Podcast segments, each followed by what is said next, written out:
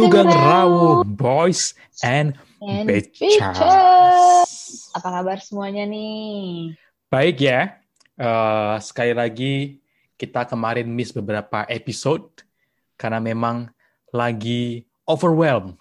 Lagi Ya. overwhelmed banget ya. Maksudnya itu mau apa? Mengecharge gitu ya, Wut ya? Iya, jadi kayak mau meet kayak kalau ada waktu tuh ada waktu selak tuh pengennya ngawang, pengennya kayak Dose off. iya pengen kayak yo di kasur ngeruntel gitu aja ngerti gak sih?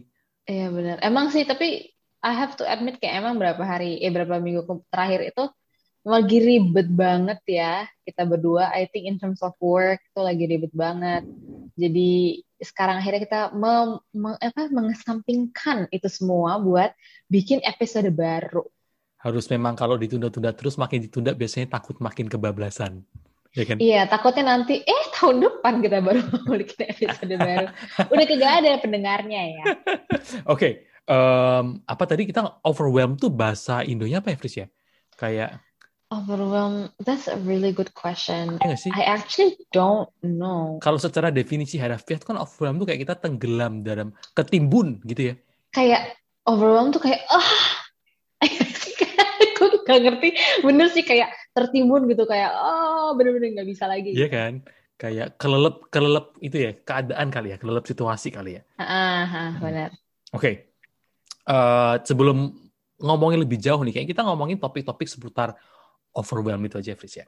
Coba Hmm, boleh. eh, kita kan percaya di sebagaimana apa pun keadaannya itu pasti kita harus mencoba menemukan sesuatu yang patut kita syukuri. Mm-mm. Iya.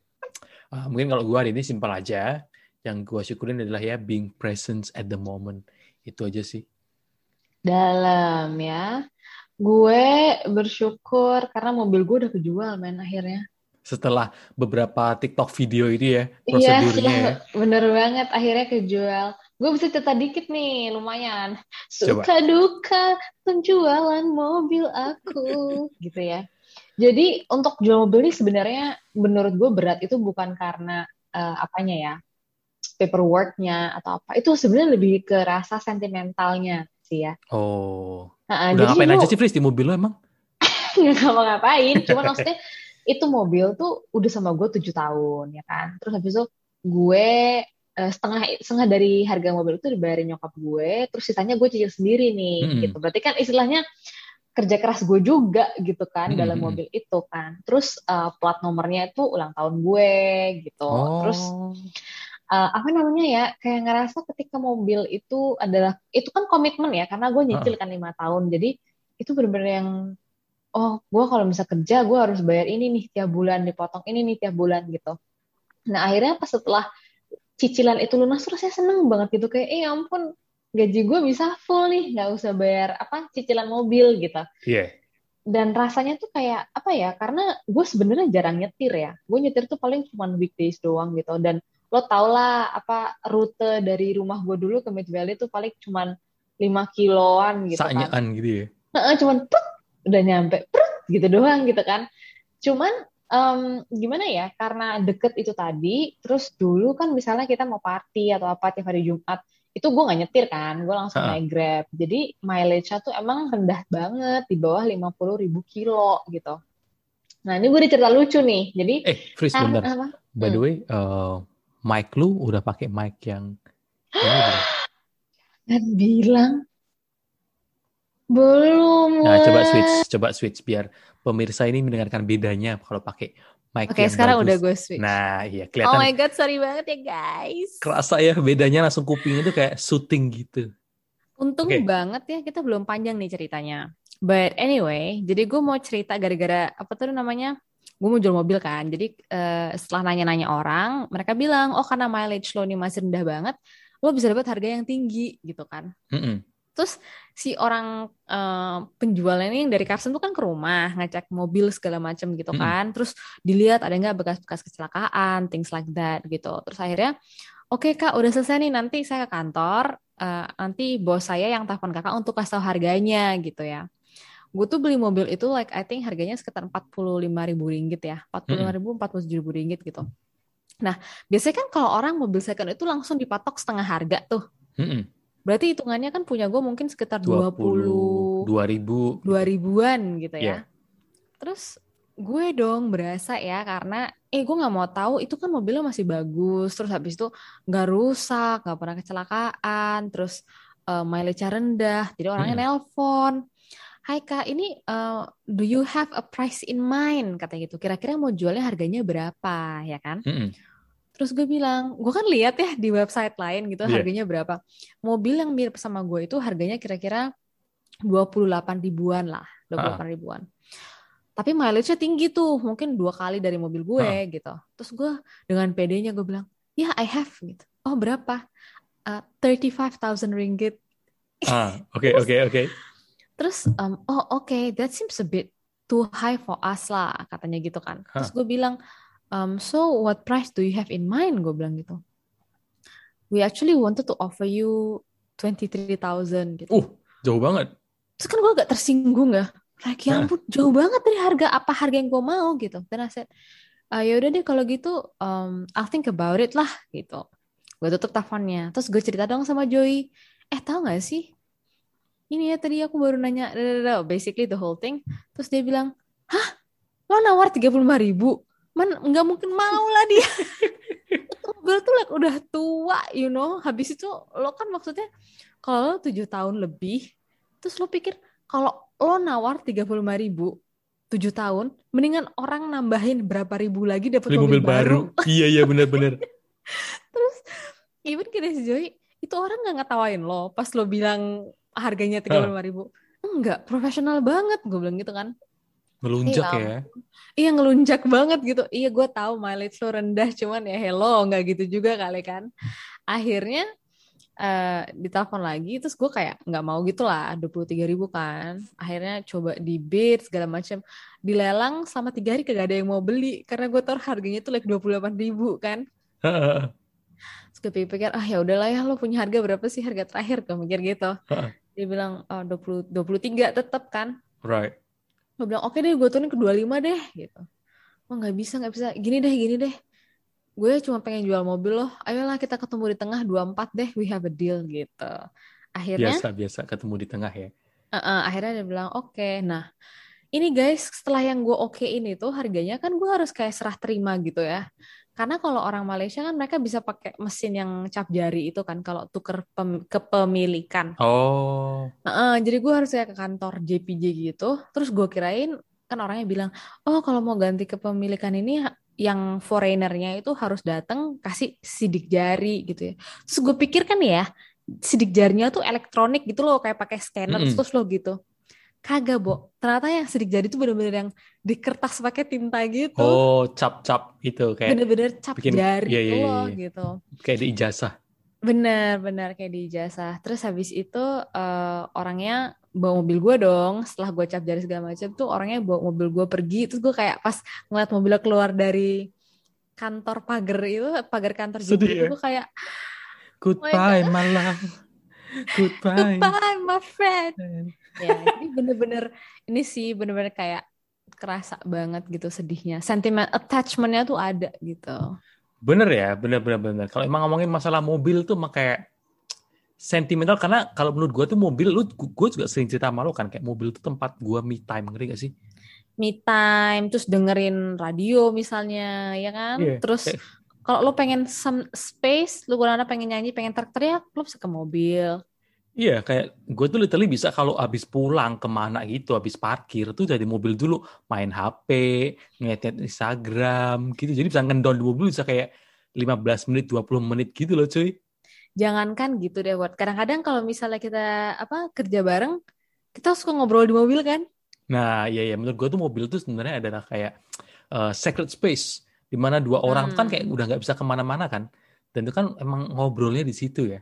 Benar, benar banget, benar banget. Jadi kayak it's just I don't know, I feel like it's a itu temen yang sangat-sangat baik ya. Lo sedih, lo nangis, lo marah, lo ngapa-ngapain, lo tuh kayak ya di mobil gitu loh, me- Heeh. meluapkan ekspresinya tuh di mobil gitu. Benar, benar, benar, benar, benar. Nah, ngomongin soal personal space ya, Fris ya. Hmm. Em, lu orang yang, oke, mobil salah satu personal space gua. Oke, Hmm. terus kalau ada tempat-tempat lain lagi nggak sih, Fris, yang uh, personal space apalagi kan lu nggak tinggal sendiri gitu kan. Mm, mm. Terus apakah di rumah itu juga ada yang personal space? Kalau menurut gue tuh gini, jadi ini gue cerita dikit lah ya. Jadi tetangga gue itu kan kakaknya Joey. Jadi sekarang nih ada mamanya dateng nih, ya kan. Terus mereka kan biasanya makan malam bareng gitu.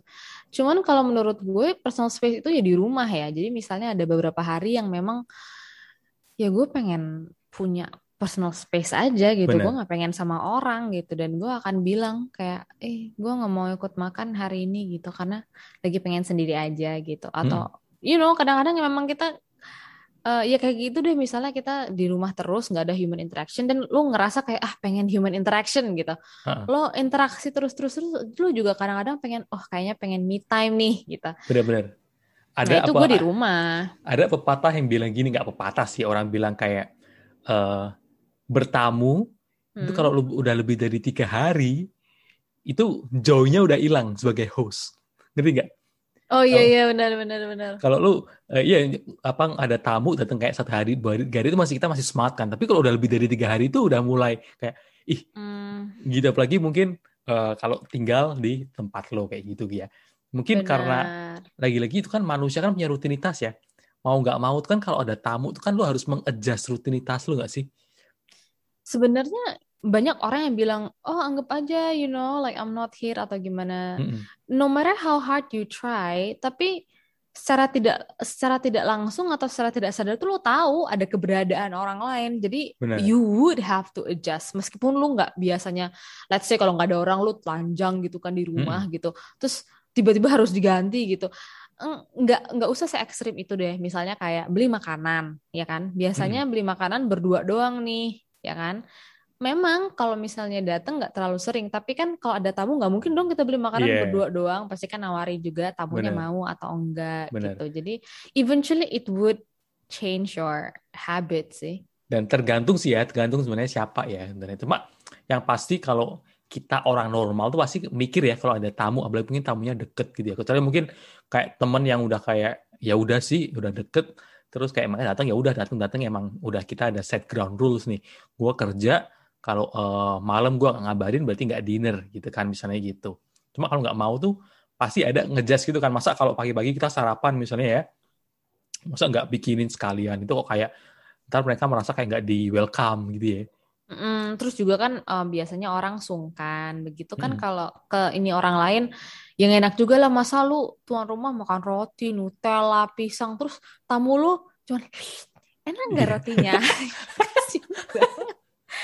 jahat banget gak sih rasanya Mungkin mereka juga sungkan meminta gitu ya. exactly lu bayangin ya sebagai tamu lu sungkan meminta apalagi kalau apa bikin sendiri gitu kan Hmm. dia juga takut gitu dikira dia nggak sopan kan Iya, iya, tapi kalau misalnya gue ada yang kayak eh, rumah saudara gue Jakarta itu kalau misalnya gue udah ke sana, ya udah kayak emang bener-bener kayak di rumah sendiri gitu kan. Kayak gue nggak nggak nggak sungkan ngambil air ngambil apa makan makan minta masakin ini masakin itu sama mbaknya gitu. Cuma ada tuh pernah kadang-kadang eh, lo ke sepupunya bokap lo di mana gitu kan. Rencananya udah mungkin kita belum nemu hotel nih gitu kan. Tapi oh ya udah nginep sini aja gitu. Kalau belum itu kayak gitu. Dan itu yang kayak berasa sungkan nih kalau misalnya mau ke kamar mandi aja kamar mandinya di luar kan bener kayak "Shh, ayo ayo temenin temenin gitu. Terus, Ah, ya kan, kalau mau ngambil air kayak udah ngambilnya yang banyak sekalian biar nggak usah turun-turun biar nggak usah bolak-balik. Iya, iya kan. benar. tapi kalau soal kayak sungkan-sungkanan itu gue ngerasa meskipun personal space banyak orang yang kadang-kadang tuh suka lupa ya. Kita itu juga harus menghormati somebody else's personal space. Mm-mm. bener nggak? Jadi maksudnya kalau eh, maksud gue tuh gini. Karena tadi kan kita ceritanya kita ini sebagai host ya kan nah tapi kadang-kadang kita juga harus menyadari nih sebagai guest. Kalau misalnya si tuan rumah kita itu atau hostnya kita tuh memang pengen punya personal space, pengen punya me time sendiri, itu nggak salah. Kan mereka kerjanya nggak 24 jam harus nemenin kita terus atau nemenin tamunya terus gitu loh. bener cuma sebagai kayaknya sebagai orang Asia ya nggak nggak sebagai orang Asia juga sih. Ya sebenarnya kayak gua tuh kan dulu sempet banget ada waktu yang gua sering jadi host couch surfing Oh iya iya iya dulu Nah. suka. Ini Edward nih orangnya outgoing banget ya. Nah, jadi dulu tuh kayak emang kayak tiap minggu tuh pasti ada orang yang kayak dari negara mana dateng gitu kayak ya nginep di couch gua gitu. Nah, itu selalu biasanya selalu menyempatkan gua nih kayak tapi ya mereka benar-benar kalau yang couch servers tuh mereka benar-benar kayak ya mind their own business gitu. Jadi biasanya eh, dan gua mikir-mikir berani juga sih gua kasih kunci rumah ke mereka kayak gitu kan. Kalau misalnya Iya, gua itu sebenarnya kalau dipikir-pikir don't you think it's a bit dangerous? sedikit ya cuma eh, untungnya puji Tuhan sampai sekarang pun eh, baik-baik aja. Kalau misalnya kayak traveler tuh kayak mereka ya mau nyolong nyolong apa juga sih? Mungkin mereka juga dalam jiwanya lebih kayak mengembara tuh ya mau cari temen nggak merugikan gitu kan. Ya kayak so it's not as bad as what we might think kayak gitu kan. Nah itu benar-benar kalau misalnya eh, sorean gitu kadang-kadang gue ngecek mereka gitu. Eh lu gimana ntar kalau mau ketemu nggak dinner gitu kalau Terus kalau misalnya mereka lagi ternyata di jauh nih di Batu Cave gitu, oh ya udah nggak apa-apa. Jadi benar-benar kayak mind your own business aja. Kadang ada beberapa tamu yang kayak ya emang mereka tuh nggak expect kita nemenin jalan-jalan gitu. Kadang kita cuma ngobrol di balkon, abis mereka jalan-jalan seharian gitu sambil eh, minum-minum santai gitu kan kayak gitu. Enak ya berinteraksi sama ini. Gue jadi inget waktu itu gue pernah nyokap gue tuh nggak terlalu familiar ya sama kayak couchsurfing, Airbnb gitu. Jadi cuman waktu kakak gue sekolah di US tuh dia dulu couchsurfing juga. And my mom thought like he was crazy gitu. Maksudnya like it's so like dangerous, but then Hmm. at the same time kan dia laki-laki ya. Jadi mungkin on that part she was quite okay. Terus eh, kita itu kan nggak pernah kayak pesan Airbnb gitu. Mm-mm. Karena eh, ya biasanya kalau sama ibu-ibu kan tidurnya di hotel gitu kan Yoi. langsung. Nah, waktu kita pernah tinggal di satu Airbnb di Eropa dan nyokap gue tuh kayak amazed banget. Jadi karena kalau lo tau gak kalau bisa di hotel ya, kan lo ya udah check-in check-in aja gitu Mm-mm. kan, like ala kadarnya doang gitu. Nah, cuman si orang ini meskipun ini susah banget dapetin apartemennya ya, dia tuh baik banget. Dia tuh bener-bener yang kayak kita nyampe, kita tuh dikasih map, kita dikasih tahu gimana cara Right. keliling-keliling eh, Roma, terus habis itu eh, dia kasih kita breakfastnya tuh enak banget ya, ada freshly squeezed orange, ada pastry, terus nyokap gue bilang kayak, wah ternyata this Airbnb it's not that bad, you know? I- Iya. itu kan emang kayak ya salah satu plus pointnya Airbnb. Cuma belum tentu tergantung hostnya sih. Ada yang juga lu nggak ketemu hostnya sama sekali kan, mereka drop kunci di mana gitu kan. Benar, benar, Iya, iya, iya, iya. benar. Ih, kalau gue mikir-mikir, gue itu udah kayak semi Airbnb host ya. Jadi gue tuh Karena udah kayak, ini juga kali, lu menyediakan breakfast dan tapi nggak nggak sampai breakfast sih. Gue tuh kayak menyediakan kalau, oh, gue ada udah ada ini itinerary-nya nih. Kalau lo mau, nih tempat yang harus lo kunjungi nih. Stopnya di mana-mana mana. Wow. Terus kalau misalnya kalau mau ke tempat gua, lu stop ntar di train station yang ini, untuk jalan gua kasih petanya kan, gua kasih titit-titit-titit sampai ke rumah gua kayak gitu. Wah, dahsyat banget ya lu. Mm-mm. Ini hostnya hitungannya lengkap gitu, udah dibikinin semua, men. Yoi, kadang-kadang kalau misalnya zaman dulu ngantor kan mereka bawa backpack gede gitu kan, gua mikir, oke, uh, why don't you? Kan mereka dulu kita kantor di deket yang KL Central ya, jadi kayak deket. Mm. Jadi gua bilang kayak lu kantor gua dulu, taruh backpack lo, taruh mobil gua, habis itu dari situ lo baru jalan ke mana gitu. Oh gitu. Right, right, right. Baik banget, men. lumayan ya seru sih seru sih itu zaman zaman dahulu. Cuma sama Fris bener rasanya kadang-kadang ada lo kayak hari-hari Senin sampai Rabu satu guest gitu ya terus Jumat ada lagi Sabtu Minggu gitu kan. Gue juga seneng sih jalan-jalan sama mereka. Cuma di saat di mana tiba-tiba kosong itu kayak enak kayak wah oh ya ini akhirnya tempatnya gue punya gue sendiri. Kayak gitu. Itu itu adalah tempat di mana lu have your own personal space setelah beberapa lama tuh ada selalu ada tamu, bener nggak sih? Mm-mm, bener Like Dan to re refresh and recharge your personal space battery gitu nggak sih? Bener. Dan lu ngerasa gak sih, Fris, kadang kalau abis traveling ya, Fris ya, uh, musim kita enak jalan-jalan ke mana-mana, tapi begitu sampai rumah tuh kayak nyes adem. Ya kan? Bener, bener banget. Meskipun meskipun lu sendiri itu rasanya kayak ah, Iya, Gitu iya, bener-bener. Apalagi kalau misalnya lu mungkin road trip ya dari Semarang nih, nyetir Jakarta atau ke Surabaya gitu ya. Terus nyampe malam, begitu nyampe, udah mobil masuk rumah, buka pintu tuh udah hatinya ayam langsung plong. Itu udah ada sampai rumah. hawa-hawa rumah tuh udah Iya kan? top notch banget. Bener, bener, bener. Itulah, itu kayak personal space. yang kita bicarakan kayak gitu. Uh, terus betul sekali. Ngomongin soal personal space nih, ini kan sekarang kita um, selain mobil, selain rumah, kalau di kantor personal space lu di mana? Uh, jujur gak ada. eh tapi di kantor dulu ada Fris yang di Mana? Meeting ruangan room yang, yang di kecil belakang itu bukan sih? yang di pojokan yang dekat uh, prayers room yang di lorong-lorong belakang itu ngerti gak sih? Ah iya iya iya itu dulu tempatnya kan sebelum dijadiin storage room tuh kosong kan ya? Kosong, ada ada pool table kan, tapi sebelahnya kan ada bilik-bilik kecil gitu kan. Mhm. Itu salah satu my personal space tuh. Kan kalau siang sering kosong tuh. Habis makan siang kalau ngantuk ke sana aja tuh tidur 5 menit 10 menit. Harusnya tuh mereka kayak punya ini ya, thinking room. Karena lagi ngetren tuh sekarang orang-orang punya thinking room di kantor atau sleeping pod. Oh, sleeping pod sih. Kantor kita bisa banget sih, kayak masih space-nya gede gitu sih sebenarnya. Mm-mm. Mm-mm. Seru ya kalau punya ini punya personal space di kantor. Eh ini ngomongin soal personal space banyak banget yang ngomongin ada salah satu e-commerce Indonesia. Gue kan ngikutin itu ya Instagramnya e-commerce itu kan. Oh iya. Itu tuh suka ada salah satu eh, e-commerce yang suka diceng-cengin lah sama mereka gitu ya. Kalau lo kerja di situ tuh jangan lupa ya eh, mereka tuh toiletnya bagus banget. Soalnya buat lo nangis, space buat lo Oh, nangis kalau di iya. kantor. Aduh, kocak sih. Sayangnya toilet kita nggak terlalu bagus ya. Justru itu lagi siapa juga mau lama-lama di toilet kan? Bener. Justru dulu kalau di kantor itu ya, Fris ya, kalau misalnya gue tahu gue mau uh, bisnis number two, itu gue ke mall. Hmm, Ya, ke soalnya mall. kalau ke mall kan pasti bersih, Iya, dan mallnya ini, mall dekat kantor kita nih, uh, mall kelas atas ya, yang ada Mm-mm. hotelnya juga, jadi tuh enak gitu cuy. Ya udah sih bayar-bayar sih. daripada ini ya, daripada di kantor ya. Yoi.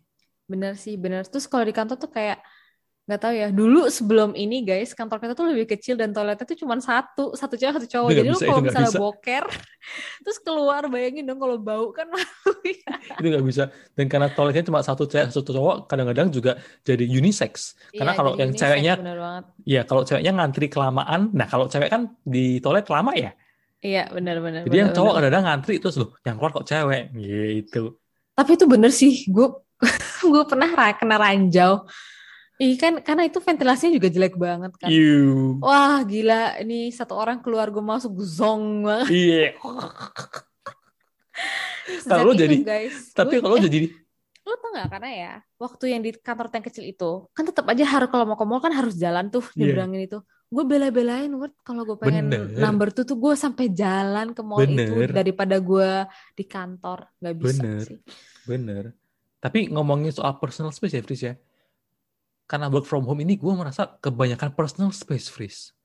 Jadi overwhelm personal space. Kita tadi ngomong di awal-awal soal overwhelm ya. Jadi Hmm. kebanyakan space, kebanyakan overwhelm, eh overwhelm personal space gue jadi underwhelm. Ngerti? Kalau menurut gue sih mungkin karena itu ya. Ini konsepnya sih sebenarnya sama. Jadi apa pun yang berlebihan itu kan nggak baik. Bener. Lu bayangin aja Word ini tuh udah hampir 2 tahun loh itu tuh pandemic. Yoi.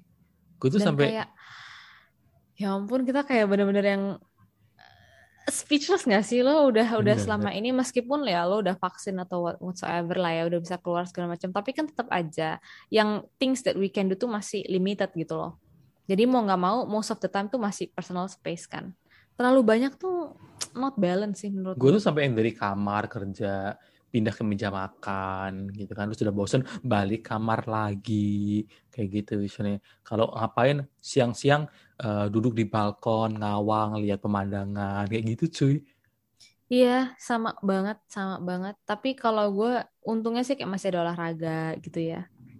Mm-mm. Terus sekarang udah mulai bisa keluar kemarin malam gue ketemu temen gue. Jadi memang benar sih lu inget gak sih lu pernah cerita sama gue kayak lo tuh ketemu sama misalnya orang tua, ketemu sama keluarga, ketemu sama temen itu tuh bikin apa sih kayak botol-botol itu loh yang kebetean lo tuh jadi berkurang iya, ngomong iya, sama iya. teman. Nah yang itu emang kerasa banget sih kalau menurut gue karena kalau lo lo sebagai pasangan ya gue gue sama sama Joey gitu ya misalnya di rumah terus terus kayak gak ada interaksi sama orang lain gitu itu bener-bener bisa bikin lo sensitif banget kayak hal-hal kecil tuh kayak ah, apa sih gitu. Benar, benar, benar, benar.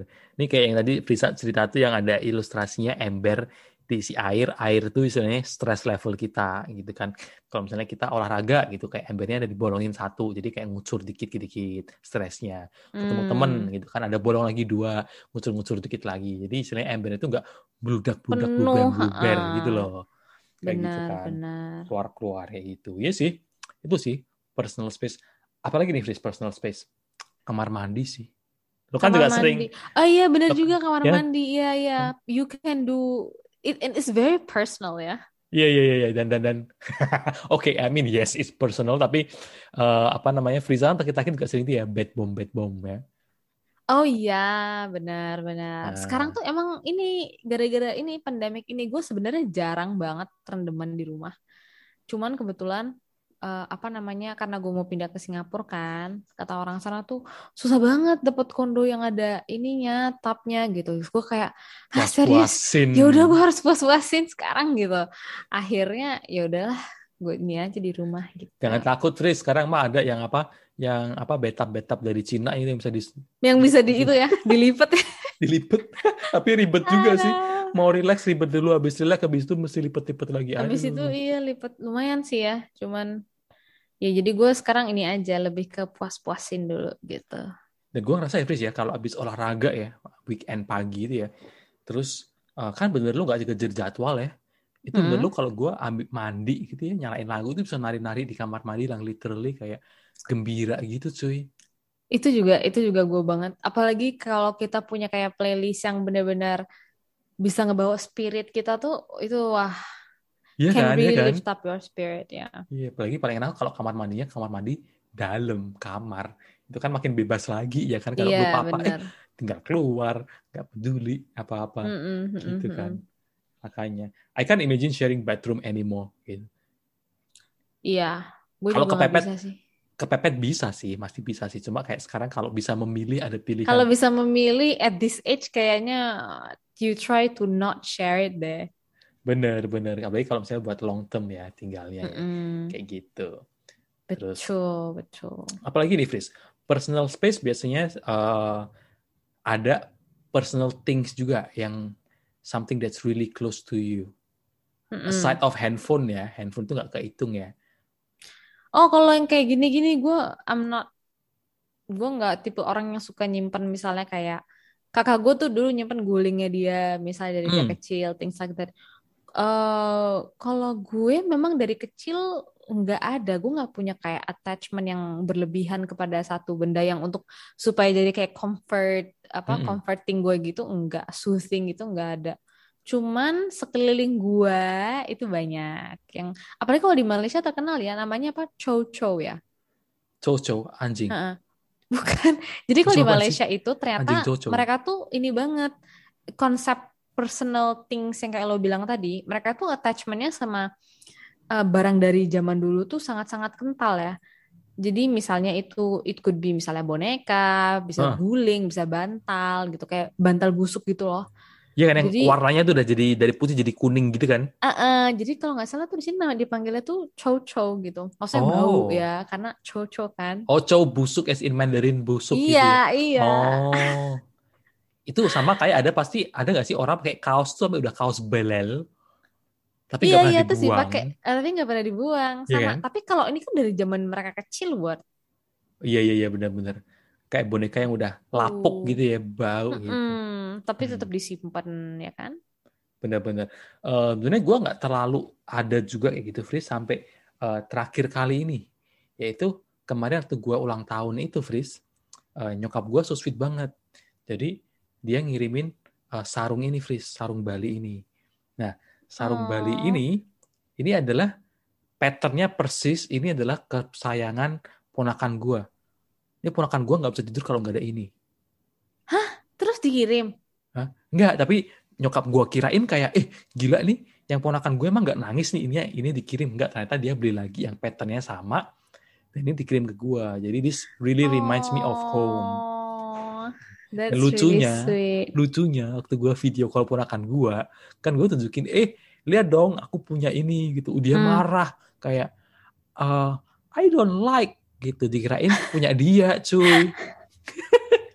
terus habis dijelasin no yang you still have yours kayak gitu dia terus baru ah oh dia baru ketawa-ketawa malu salah gitu cuy oh that's really sweet I Iya, think iya iya iya Iya, ngomongin rumah tuh yang paling susah ya. Kayaknya kita nih em, bakalan ambiar kalau misalnya eh, ke topik-topik yang situ terus, karena Mm-mm, emang kita udah lama banget nggak pulang, guys. Bahkan Iya. kayak kemarin tuh banyak lah teman-teman yang, oh mau vaksin, ah mau vaksin biar bisa cepat pulang gitu kan, biar bisa gampang eh, ketemu keluarga dan segala macam. Cuman ini karena Indonesia ini termasuk golongan yang lumayan parah ya. Jadi mau ke mana-mana tuh kalau dari Indonesia memang susah gitu. bener Itu kenapa salah satu alasan kita susah banget pulang. Tapi sebenarnya average ya Indonesia kan case-nya tinggi. Cuma itu kan nyebar ya sebenarnya. Eh nggak nyebar juga sih. Itu konsentrasinya kebanyakan di Pulau Jawa juga sih sebenarnya ya. Mm-mm. well Cuman ya see. itu sih saksnya di situ aja. Karena kita nggak pernah tahu sampai kapan ini semoga cepet ya, semoga cepet berakhir gitu. Karena uh, even teman-teman gue yang lain tuh kayak udah punya plan gitu. Mau Natal di Indo segala macam. Cuman no we never know gitu. Kita tuh susah Benar. banget mau plan. Kayak gue mau pindahan aja dari bulan Juli sampai sekarang gue nggak bisa pindah jadi Hmm. belum bisa kan sampai sekarang jadi you never know there's nothing certain these days Yoi, personal space sih. Yoi, penting-penting. Ya udah, kayaknya itu dulu aja, Fris ya, kali ini ya. Kita ngomongin soal Hmm. personal space tadi. eh lagi-lagi kayaknya ya in moderation ya. Jangan, tapi tergantung juga ya. Mungkin kalau yang introvert mah di personal space lama-lama juga nggak apa-apa kali ya. Kalau iya mereka nggak nggak akan keberatan ya nggak sih? Tapi mungkin yang kita nih merasa sedikit begini karena nat nature-nya memang kayak ya nggak introvertnya tuh social butterfly yoi nggak introvert introvert banget gitu kan. Mm-mm, benar Ya. benar benar Seperti itulah. Oke deh, sampai jumpa di episode selanjutnya ya kalau gitu ya. take care